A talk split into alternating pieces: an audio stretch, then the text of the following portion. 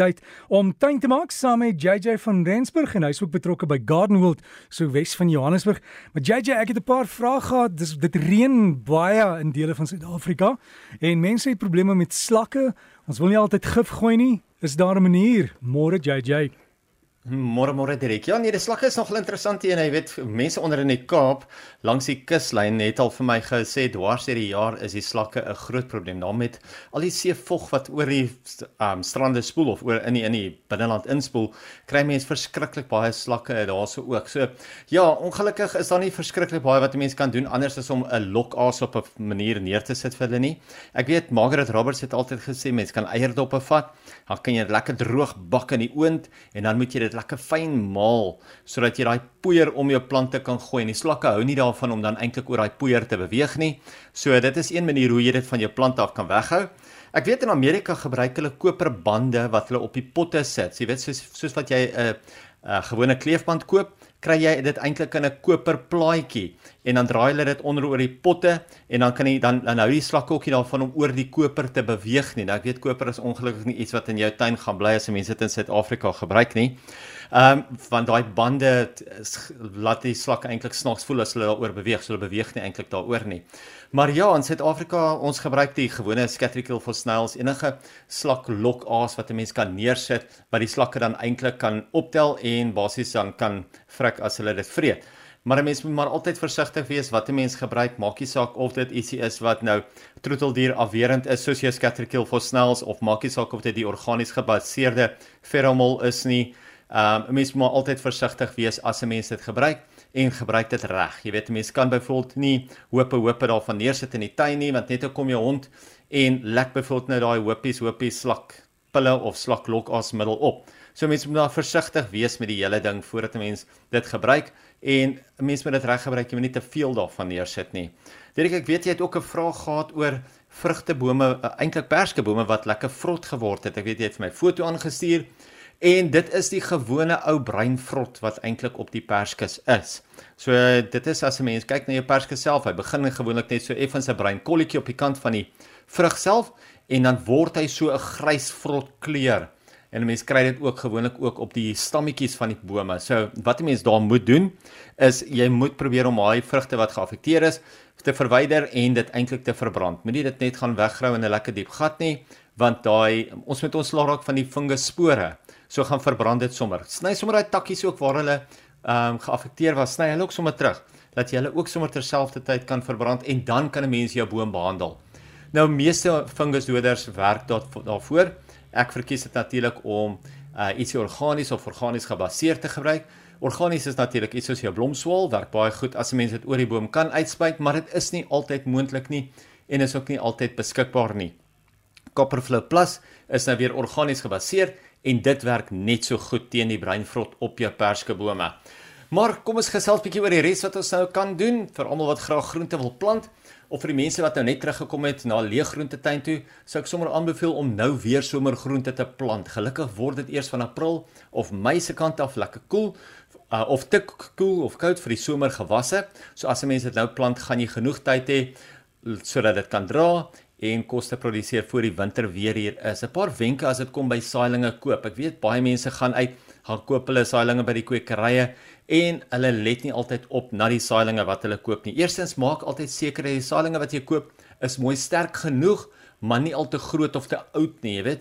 As hy te klein is of te jonk is en jy vat hom huis toe en jy is nie baie versigtig met hom nie, gaan hy dit ongelukkig nie maak nie. Maar net so in dieselfde asem ook as hy al oorgroei is in daai kassie waarin jy hom koop gaan hy ook dit nie maak nie, maar dan gaan hy hy so wortelvol al wees dat hy net nie lekker gaan ontwikkel aan jou kant nie. Baie keer kry jy dit sommer dat jou groente saailinge binne in die saailings of saai kassies al klaar begin blom maak of vrug maak. Dit wil 'n mens nie hê nie. Jy wil 'n jong sterk plantjie hê wat jy by jou huis kan gaan plant. En JJ, tweedens maak seker. Skus net gou daai noot mense wat ook die pakkie saad probeer, ehm um, hulle wys gewoonlik vir jou agterop hoe diep om die goed te plant. En baie mense plant pertjies dat dit eers oor 3 jaar gaan opkom, dis so diep geplant, jy weet.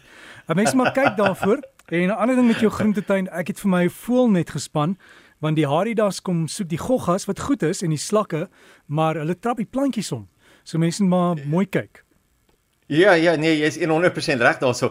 En natuurlik ook as die ertjies nou nie opkom nie, dan kry die verskaffer die kwekery of natuurlik die ertjie die skuld, nie jy wat nie die pakkie gelees het nie.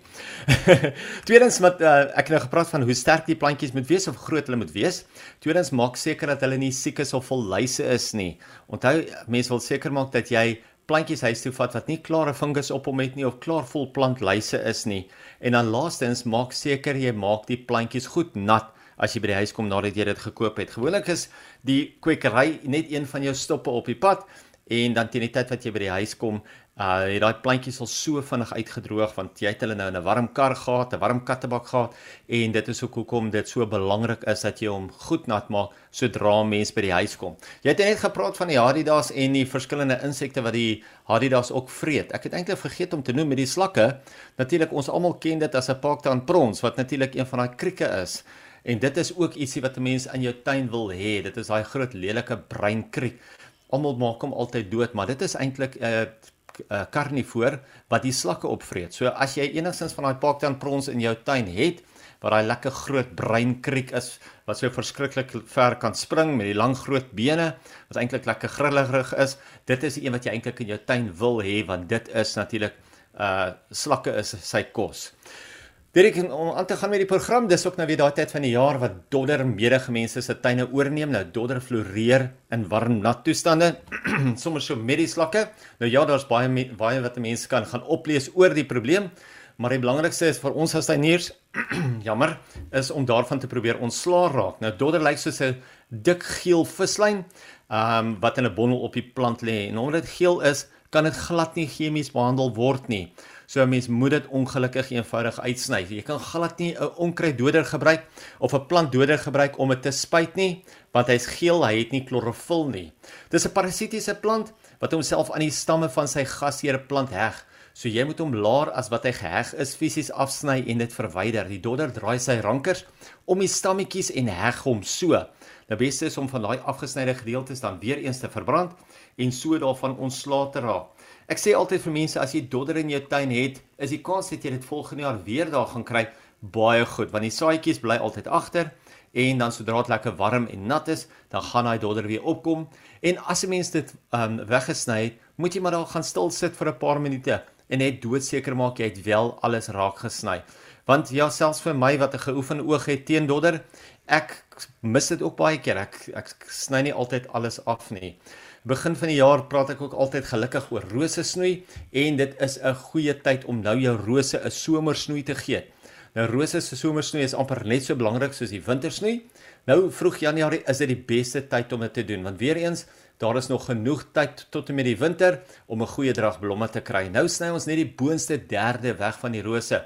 Ons sny dit nie heeltemal so laag soos in die winter nie. Ons veral verwyder al die ou roosblomme en ons breek natuurlik al die siek blare af. Ons verwyder nie al die blare nie. Onthou as jy nou al die blare gaan verwyder en die son is lekker sterk, gaan hy ongelukkig jou stammetjies van jou rose brand. Veral in die binnerand binneland is die rose nou ook nou vol swart vlek, so verwyder dit net daai siek blare met die swart vlek en bietjie bietjie poeieragtige meeldou op dit. Na die snoei sou ek natuurlik iets soos 'n flower power of 'n 18.5 om die plante gegooi het en dit ingewater het sodat jou plante weer genoeg krag kan kry, genoeg water het om weer vir jou binne 2 of 3 weke vol in blom te wees. Gewoonlik sny mens net die ou roosblomme af. Jy sny nie al daai kleiner knoppies af wat nou binnekort gaan blom nie. So kyk of jy sommer nou jou roossnoei kan doen. En dan kom ons by die plant van die week. As ek so na 2022 kyk, was een van die beste plante van die week 'n ornamentele gras geweest het meeste opspraak gemaak op die internet. Die Kerks Feather Falls. Ons maak hom sommer weer hierdie week die plant van die week of die plant van die dag.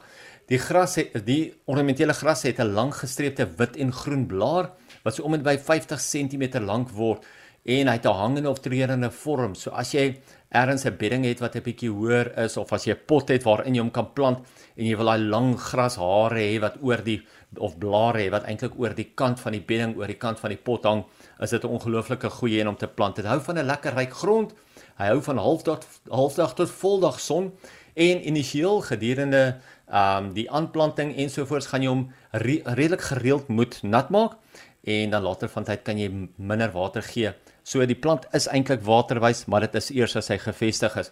gaan kyk bietjie uit vir die Feather Falls, 'n pragtige ornamentele gras. JJ, dankie vir al die raad en ek het nou weer gedink aan die slak probleem. Ons kan ons bakkies bier ook sit met hulle hou van die gis en dan klim hulle in die bier en verdrink. Dis hy. Ja, nee, is 'n baie interessante ene. As 'n mens die bier sou gebruik, jy kry deesdae die bierlokvalle wat 'n mens sommer by die kwekerye kan koop en dan grou jy basies jou bakkie in die grond weg. Hy het 'n klein dakkie oor hom en hy het net genoeg spasie vir die slakke om dan in te klim en in die bier in te beweeg of na die bier toe te beweeg. So gaan vra sommer by die kwekerye, hoe lyk jou bierlokval vir die slakke? En dan kom hulle in die hemel met 'n glimlag. Hoor net daar of dronk. ja, JJ. JJ van Hensberg met ons tuinpraatjie en hy plaas vir ons al die inligting wat hy nou oor gesels het op die Breakfast Facebookblad. Gaan kyk, jy kan ook daarvan af kontak maak en lekker tuin maak.